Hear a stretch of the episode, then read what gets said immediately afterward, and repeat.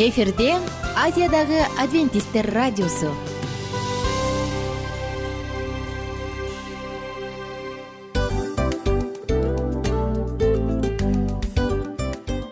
Достор салют. Баардык сүйүктүү угармандарыбызга салам айтабыз. Кутман күнүңүздөр менен. Ден соолук өмүрдүн булагы демекчи саламат саамы программасында баарыңыздарды көргөнүбүзгө абдан кубанычтабыз. Анда алгач амандашып өтөлү арбаңыздар деп. Ден соолугуңуздар кандай элибизде көбүнчө ден соолук кандай дегенде эле жакшы деп жооп беребиз э? ооруп турсак дагы жакшы дейбиз. Анан мен муну айтып ойлойт элем бул абдан сонун сөз депчи анткени бул жакшы деген үмүт да э баары жакшы болот. Баары сонун. Деп үмүттөнүп атып эле өзүбүздү өзүбүз дарылап коебуз. Анысы кандай? Сиздин дагы ден соолугуңуз жакшы беш деген үмүттөбүз чындыгында ден соолук бул өмүрдүн булагы деп бекеринен айтылган эмес деп ойлойм. Кыргыз элинде анткени эгерде ден соолук жок болсо анда адамдын жашоосунда калган баардык керектүү маңыздуу нерселер өзүнүн баалуулугун жоготуп коет. Ошондуктан ден соолук бул эң керектүү нерсе. Ооба туура айтасың кесиптешим. Чынында ден соолугуң жок бир эки үч күн ооруп калсаң эле э кандай болуп калат? Жашоодо көз каранды болуп каласың көп нерсеге жетишпей каласың көп нерсени кыла албай каласың жада калса эшикке дүкөнгө да чыга албай каласың. Туптуура анан ден соолук болсо демек биз биздин бактыбыз тотой деп койсок болот. Анда достор саламат саамы рубрикабызды баштайлы. Алдыда өзүңүзгө керектүү болгон сонун кеңештерди уга аласыздар. Мына ошондуктан биз менен бирге болуңуздар. Ал эми биз болсо милан жана айнура. Кеттик алга. Алга саламат саама ден соолуктун жарчысы. Саламат саама ден соолуктун ачкычы. Күн сайын сиз үчүн мыкты кеңештер сонун жаңылыктар кызыктуу фактылар биздин рубрикада.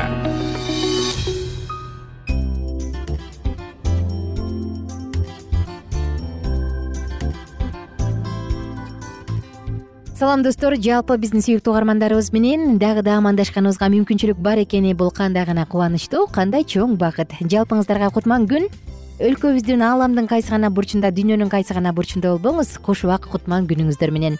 Аты жөнүм айнура миназарова жана жалпыңыздар менен биз саламат зама деп аталган рубриканы баштадык. Бүгүнкү темабыз уйкусуздук деп аталат. Тагыраак айтканда биз ар бир орган үчүн пайдалуу суусундуктарды айтып жатабыз. Ал анын ичинде уйкусуздук болуп жатканда эмне ичиш керек? Мына ушул тууралуу кененирээк маалымат берүүгө аракет кылабыз.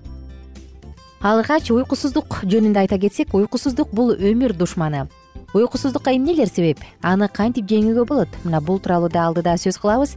Негизи нормалдуу эс алыш үчүн бизге чоң адамдарга жети сегиз саат ал эми жаш балдарга он саат уйку керек. Окумуштуулардын айтуусу боюнча иринчек жана үмүтсүз адамдар көбүрөөк укташат. Ар бир адамдын уйкуга муктаждыгы бар уктабастан жакшы жашоо өткөрүү мүмкүн эмес. Ошондуктан дайыма уйку укташ керек. Ал эми уйкудан дайым жапа чегип жүргөн адам жөнү жок ачууланып сөз көтөрө албай нерви чыңалган абалында жүрөт жана да окумуштуулар эки үч күндүк уйкудан калган адамдар аң сезимди ойлонуу көңүл буруу маалымат кабыл алуудан артта калып калары дагы далилденген. Эгер беш күн уктабаган адам болсо соо абалында айтпачу сөздөрдү сүйлөп дөөрүгөн абалга жеткенин дагы баса белгилешкен. Караңыздарчы уйкунун маанилүүлүгүн. Уйкусуздуктун себептери эмне болушу мүмкүн? Оорунун ар кандай түрлөрү? Түйшүк санаа жарык уктоо режими башаламандык талыкшуу борпоңдук сүйүүдөн өксүү коңурук тамеки ичимдик туура эмес тамактануу мына булардын баардыгы тең уйкусуздукка алып келет. Ошондуктан уктаар алдында эмне кылат десеңиз биз алдыда айтып берген смузини ичиңиз андан тышкары таза аба жутуп жай сейилдеп басыңыз. Моюн ийин булчуңдарына башка башка жумшак массаж жасатуу дагы жардам берет. Жатар алдында жылуу сууга чайынуу же жылуу ваннада чөп кайнатмаларын кошуп жатуу дагы пайдалуу. Суу булчуңдардын чыңалуусун жазып уйкуну чакырат анан ары бери оонагандан көрө китеп окуп же бир башка пайдалуу иш менен аракет кылган дагы жагымдуу дейт албетте жакшы ойлорго алаксыңыз кыялданыңыз. Майдаланган арчы ромашка карагай тобурчуктары салынган баштыкчаны баш жакка коюп жыттап жатканыңыз дагы жакшы. Алардын курамында эфир майы адамды эс алдыруучу касиетке ээ. Эми достор уйкусуздукта алчанын ширеси абдан жакшы жардам берет. Караңыздарчы жөнөкөй эле алчанын ширеси рочерстерн деп аталган университеттин медициналык борбордун университетинин окумуштуулары жакында эле алчанын дагы бир касиетин ачып табышты. Алар мындай дейт. Алча көрсө бир гана суукка каршы ревматоидтик каршы жана антиоксиданттык ушундай бир таасиринен тышкары ал адамдын организминде мелатонин гормонун дагы көбүрөөк иштеп чыгарууга жөндөмдүү деп жаңы ачылыш жасашты. Ал эми мелатонин гормону уйкуну жөнгө салат жатаар алдында эки стакан алча согун ичип алсаңыз вишня деп коебуз э черешня деп коебуз. Дал ушундай сокту ичип алсаңыз анда түнкү уйкунун узактыгын болжол менен токсон мүнөткө узартат. Бир жарым сааттык уйку кош берет. Караңызчы. Ошондуктан эгерде сиз түнкүсүн уйкусуздуктан кыйналып атсаңыз түнкү сменде иштесеңиз же саат убакыт алмашып калган болсо анда эки стакан алчаны ичип алууну сунуштайбыз албетте алчанын согун үйдөн даярдаш өтө кыйыныраак ошондуктан э, колдон келсе мүмкүн болсо пакеттерде атайын даярдалган сокту ичип алсаңыз дагы болот. Алча согунун кандай касиеттери бар? Уйкусуздукту жоет уйкуну чакырат оорунун сезбей калууга жардам берет суук тийүүгө каршы ревматоидке каршы жана ошондой эле антиоксидант жана тазалоочу сонун касиеттери бар. Эки стакан алча согунда с витамини он беш процентин камтыйт тогуз проценти калийден турат алты пайызы б алты витаминден беш пайызы магнийден беш пайызы б эки витамининен жана төрт пайызы витаминден турат. Түнкүсүн уктай албай кыйналып атканда кандайдыр бир уйкуну чакыруучу уйкуну келтирүүчү снотворный деп коет эмеспизби? Ушундай дары дармектерди ичкенден көрө жөн гана алчанын согун ичип коюңуз. Эртеси күнү сиз ага көнүп да калбайсыз андан тышкары организмге дагы пайдалуу ошондой эле достор уйкусуздук жөнүндө болуп атканда биз тынчтандыруучу чайларды дагы ичпей койбойбуз ал жөнүндө да алдыда айтып берем. Ага чейин биз алчанын согу алчанын согунан кантип ширээ жасаса болот. Кандай ингредиенттер кошулат айта кетели. Бир порция үчүн жүз элүү миллилитр алча согу үчүн сизге эки чашка алча керек. Эки чашка. Алчанын ичиндеги косточкаларынын баарын чыгарыңыз. Андан соң блендер же миксерге салып туруп аны эзиңиз эзген соң аны сито бар эмеспи кадимки эле темир элек деп коебуз. Элек же дакиден өткөрүп алыңыз. Андан кийин өзүңүздүн татымыңызга жараша бир аз согук суу кошуп коюңуз дагы иче бериңиз. Чай жөнүндө убада кылдым чай жөнүндө айта турган болсом. Кайсы бир чайлар тескерисинче уйкуну качырса биз айта турган чай тескерисинче уйкуну келтирет. Мындай чайдын чөп чайдын компонентине эмне кирет десеңиз албетте сонун азыктар кирет. Эгер уктаар алдында уктай албай түнкүсүн кыйналсаңыз жарым же бир чашка чай ичип коюңуз уктаар алдында бир саат мурун. Бул сизге жардам берет. Ингредиенттер. Эки жүз элүү миллилитр чай үчүн сизге бир чай кашык валериананын тамыры бир чай кашык мелисанын жалбырагы бир чай кашык гүлдөр жана липанын жалбырагы ошондой эле бир аш кашык бал меласаны болсо сиз колдон келишинче кара патока менен алмаштырсаңыз болот. Полансилио же панела менен алмаштырып койсоңуз дагы болот. Жана ушул эле жерге бир чашка ысык суу. Сууну кайнатыңыз кайнаткандан соң оттон алып коюңуз. Андан кийин ага жогоруда саналган баардык өсүмдүктөрдү кошуп он он беш мүнөт тыныктырып коюңуз. Татымына жараша бир аз таттуу азык кошуп койсоңуз жетиштүү андан кийин иче бересиз бул адамды тынчтандыруучу жана уйкуну келтирүүчү касиетке ээ биз айтып өткөн суусундуктар толугу менен вегетариандык. Булардын курамында глютен жок диабетиктер үчүн дагы ичсе болот аларга да сунуштайбыз. Ар кандай азыкка каршы аллергияны чакырбайт антиоксиданттык активдүүлүгү сонун жана албетте анын кычкылдуулугу дагы орточо орточо ошондуктан достор уйкуңуз келбей жатса кыйналып жатсаңыз бул ыкмаларды пайдаланыңыз. Жана биз жогоруда айтып өткөн ыкмаларды да пайдаланып ысык ваннага жылуу ваннага түшүңүз сууга түшүңүз бир аз сейилди басып келиңиз жана ушул ыкмаларды дагы колдонсоңуздар болот. Биз болсо сиздер менен коштошобуз жалпыңыздарга кааларыбыз көңүлдүү күн күнүңүздөр көңүлдүү улансын бар болуңуздар бай болуңуздар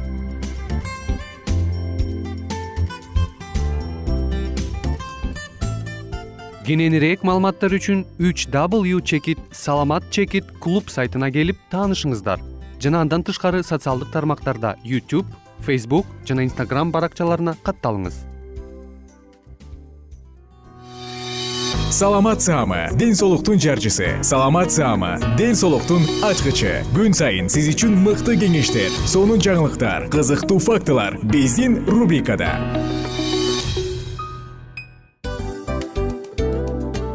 салам достор. Кайрадан биздин сүйүктүү рубрикабызга кош келиңиздер деп айтмакчыбыз.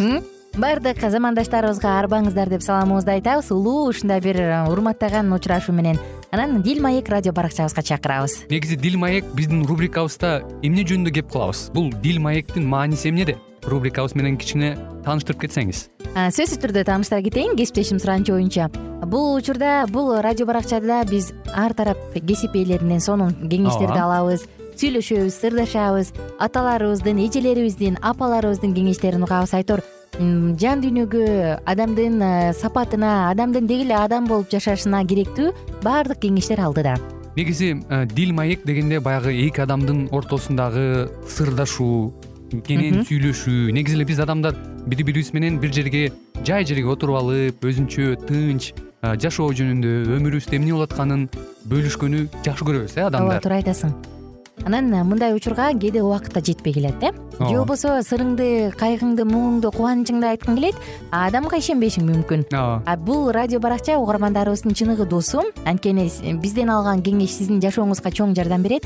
Ал эми сиздин бизге айта турган сөзүңүз ортодо гана сыр бойдон калат. Ошондуктан биздин дил маек рубрикабызга дагы бир жолу кош келиңиздер. Жана биз даярдаган маалыматтарга даяр болуңуздар. Айнура жана милан сиздер менен бирге алдыга кеттик ар түрдүү ардактуу кесип ээлеринен алтын сөздөр жүрөк ачышкан сыр чачышкан сонун маек. Дил маек рубрикасында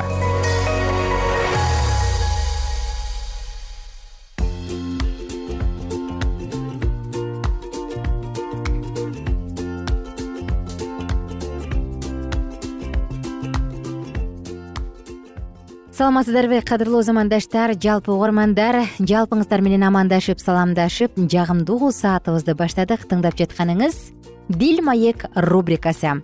Достор дил маек дегенде эле албетте бул демек сүйлөшүү бул демек баарлашуу. Бүгүнкү темабыз үй бүлөдөгү дин деп аталат. Негизи дин темасын карай турган болсоң ой бул абдан талаш тема э. Дүйнөдө канча деген диндер бар канча деген агымдар бар мусулмандар христиандар болуп эки чоң агым болгону менен алардын ичинде канчасы бөлүнөт. Сен бул эмес мен ал эмес буддисттер бар анан башкалары бар айтор толтура. Бирок үй бүлөдөгү дин тууралуу кенен сөз кылсак алдыда албетте сиз үчүн маанилүү сөзсүз сонун маалыматтарды аласыз. Ата энелерге муну билүү керек? Алар бир гана кудайдын катышуусунда жашашат сүйлөшөт жана аракеттенишет. Үй бүлөлүк дин балдарды кудайдын эркине туура тарбиялоого жоруйт диний тарбия. Жөнөкөй билим алуудан алда канча жогору билдирет. Ал мындай деп болжолдойт. Силер өз балдарыңар менен бирге сыйынып аларды кудайга жакындоого үйрөтүп жана ага өзүңдүн баардык муктаждыгың тууралуу айтуң керек. Силер өз жашооңор менен э, биринчи орунда кудай турарын жана анын сүйүүсү силерди чыдамдуу боорукер сабырдуу кылып жатканын көргөзгүлө дейт. Караңыздарчы канчалык деңгээлде маанилүү.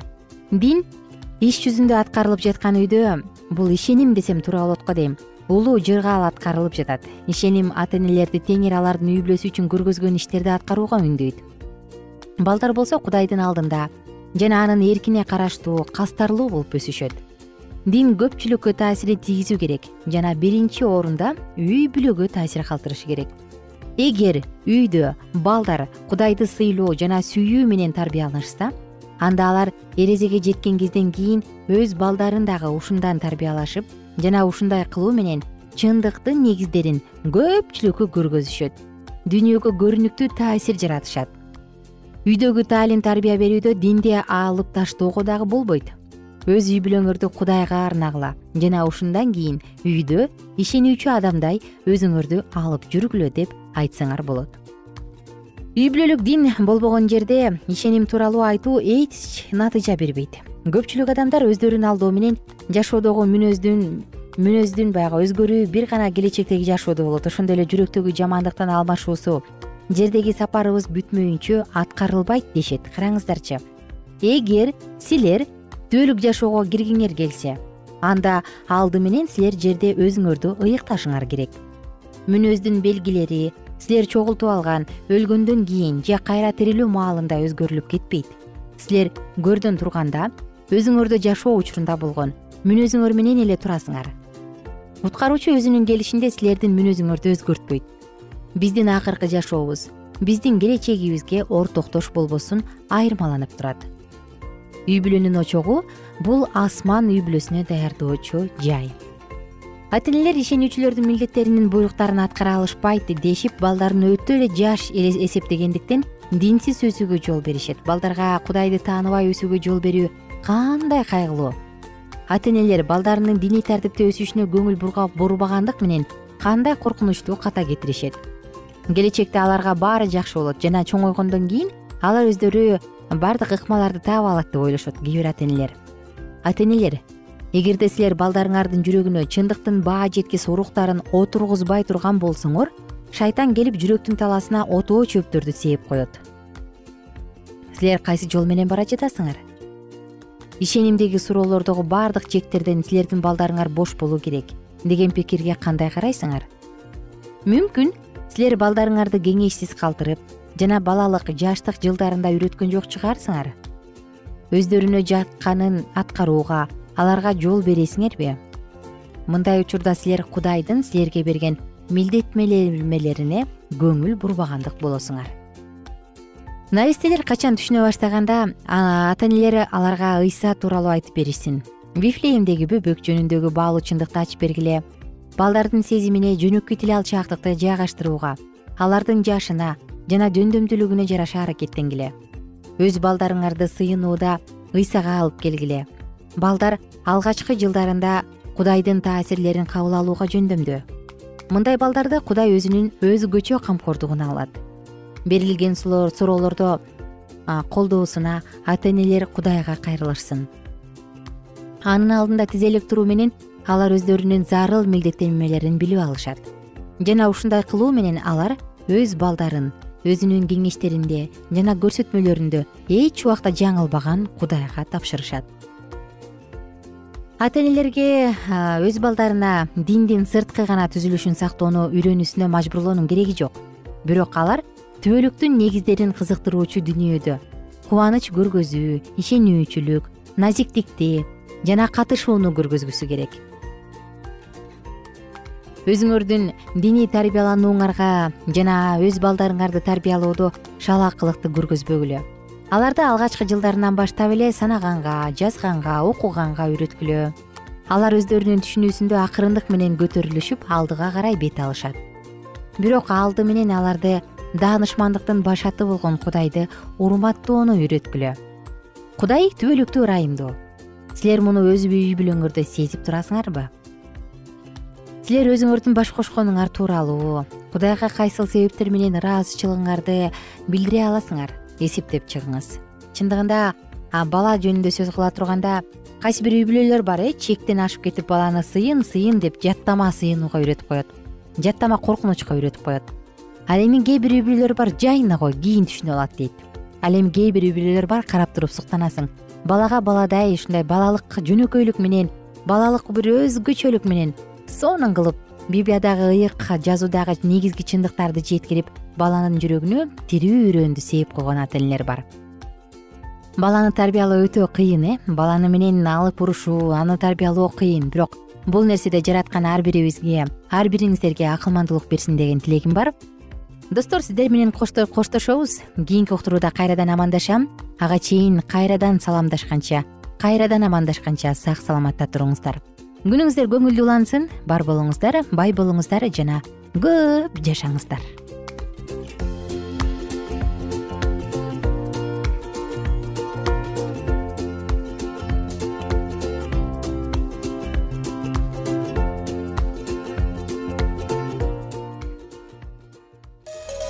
Ар түрдүү ардактуу кесип ээлеринен алтын сөздөр жүрөк ачышкан сыр чачышкан сонун маек дил маек рубрикасында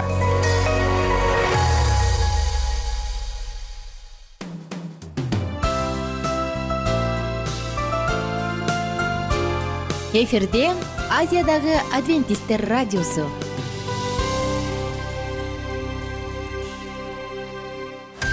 Жан дүйнөңдү байыткан жүрөгүңдү азыктанткан жашооңо маңыз тартуулаган жан азык рубрикасы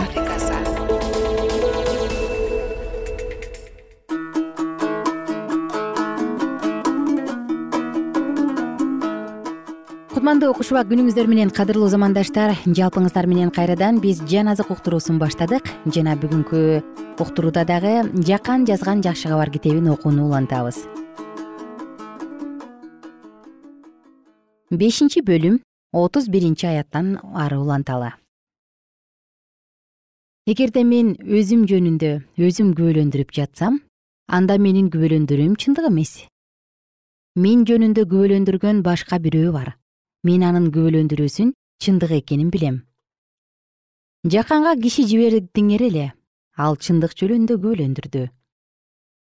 Дегенкиси мен адамдын күбөлөндүрүүсүн кабыл албайм бирок муну силердин куткарылып калышыңар үчүн айтып жатам. Жакан жарык чачып жанып турган чырак эле.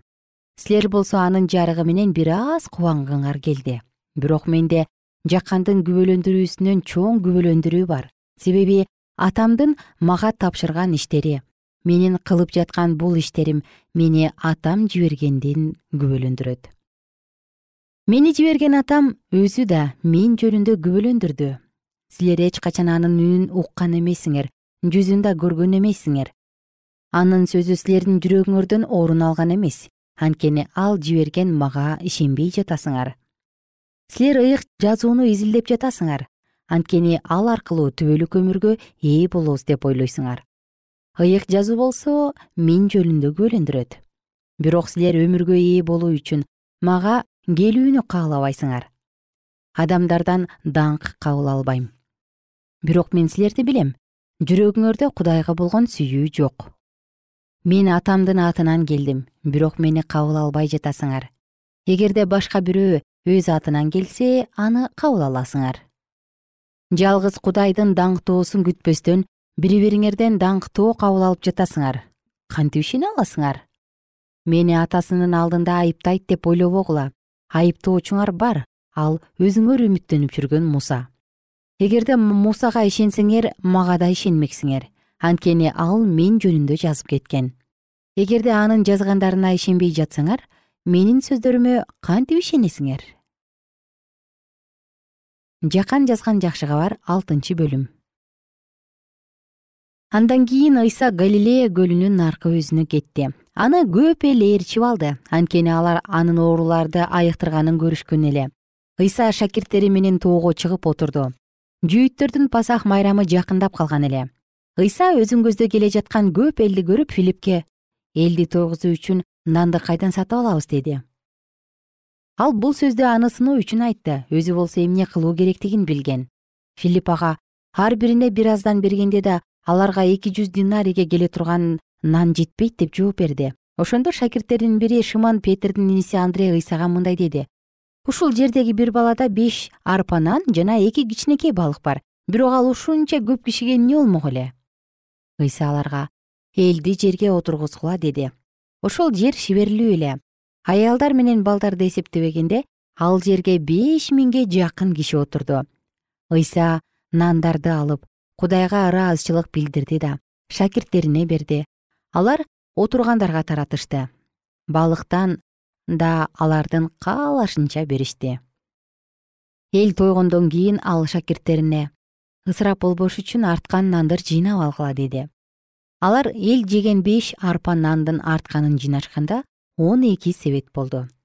Ошондо ыйса жасаган кереметтерди көргөн адамдар дүйнөгө келе турган пайгамбар ушул дешти алар ыйсаны кармап алып падыша шайламакчы болуп жатышты. Ыйса алардын бул оюн билип кайрадан өзү жалгыз тоого кетип калды. Кеч киргенде анын шакирттери көлгө барып бир кайыкка түшүштү да көлдүн наркы өзүнө капернаумга бет алышты. Караңгы кирип калган эле ыйса болсо аларга келе элек болчу.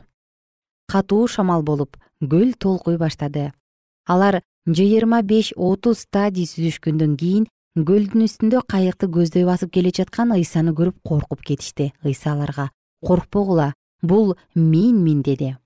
Алар ыйсаны кайыкка түшүрүп алмакчы болушту бирок кайык ошол замат алар бет алган жээкке жетип калды көлдүн наркы өзүндө калган эл кийинки күнү жээкте шакирттер түшкөн кайыктан башка кайык болбогонун ыйсанын алардын кайыгына түшпөгөнүн шакирттер өздөрү гана сүзүп кетишкенин эстешти ошол арада эл нан жеген жерден алыс эмес жерге тибериядан башка кайыктар келип жатты. Теңир нан үчүн ыраазычылык билдиргенден кийин ошол жерде эл нан жеген эле. Ал жерде ыйса да шакирттери да жок экенин көргөн эл кайыктарга түшүп ыйсаны издеп капернаумга келди. Алар ыйсаны көлдүн берки өзүнөн табышты да устат бул жерге качан келдиң? деп сурашты. Ыйса аларга мындай деп жооп берди.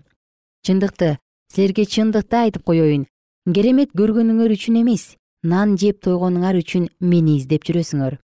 Күнүмдүк тамак үчүн эмес түбөлүктүү тамак үчүн аракеттенгиле аны силерге адам уулу берет. Анткени кудай ата ага өз мөөрүн баскан ошондо алар ыйсадан кудайдын иштерин аткарыш үчүн эмне кылышыбыз керек деп сурашты ыйса аларга ал кимди жиберсе ошого ишенгиле. Кудайдын иши мына ушул деп жооп берди.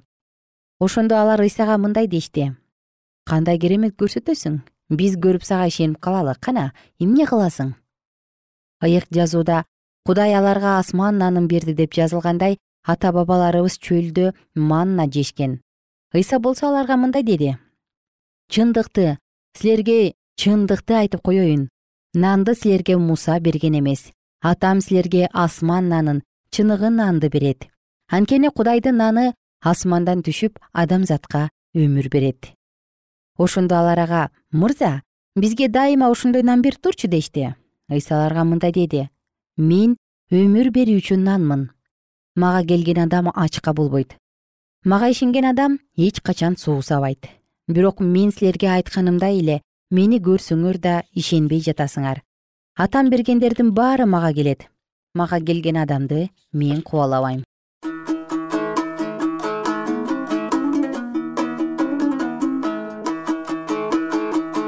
Ардактуу достор биз ушул жерден саатыбызды токтотобуз. Эгерде сизге кызыктыруучу бир суроолоруңуз бар болсо кандайдыр бир жооптошу керек болсо адвентисттердин сайтына кирип көрсөңүз болот а мен болсо сиздер менен коштошом. Кийинки уктуруудан кайрадан амандашабыз жана күнүңүздөр көңүлдүү улансын. Бар болуңуздар бай болуңуздар.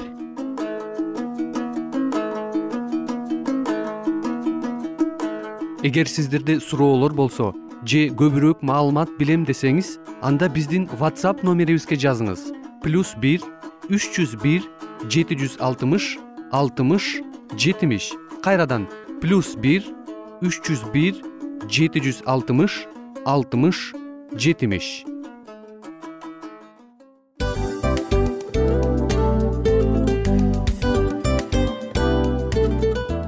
Мына ушинтип убакыт дагы тез өтүп кетет экен биз дагы радио уктуруубуздун аягына келип жеттик келип кубандырдыңар эми кетип кубандыргыла деп тамашалап калышат эмеспи анысы кандай радио баракчабызды программабызды азыр эле баштап аткандай болдук элек мына соңуна келдик э? Негизи убакыт э, билинбей өтүп кетет экен?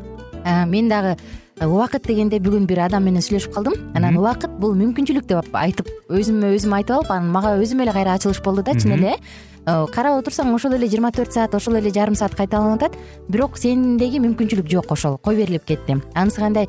Бүгүнкү сонун убактыңызды алтындай болгон жарым саатыңызды бизге бөлүп арнаганыңыз үчүн ыраазычылык айтабыз анан жашооңуздун кайсы бир сферасын өзгөртө турган сонун пайдалуу кеңеш алган болсоңуз анда биз максатыбызга жеттик. Анан ушул нерсени кылбасам десеңиз ошол өзгөрүүлөрдү кичинекей кадамдардан баштап иш жүзүнө ашырыңыз дагы жашооңузда чоң чоң ийгиликтерге жетиңиздер. Чын жүрөктөн ар бир берилген кеңештер сөздөр сиздерге пайдасын алып келет деп ишенебиз. Жана кийинки уктурууларда сөзсүз түрдө чыдамсыздык менен сиздерди күтөбүз. Сагынычтуу салам айтып кайрадан дал ушул жыштыктан баардыгыңыздарды тосуп алганча кызматта мен айнура жана кесиптешим милан анда кол булгалайбыз жалпыңыздарга ийгиликтүү күн. Саламатта калыңыздар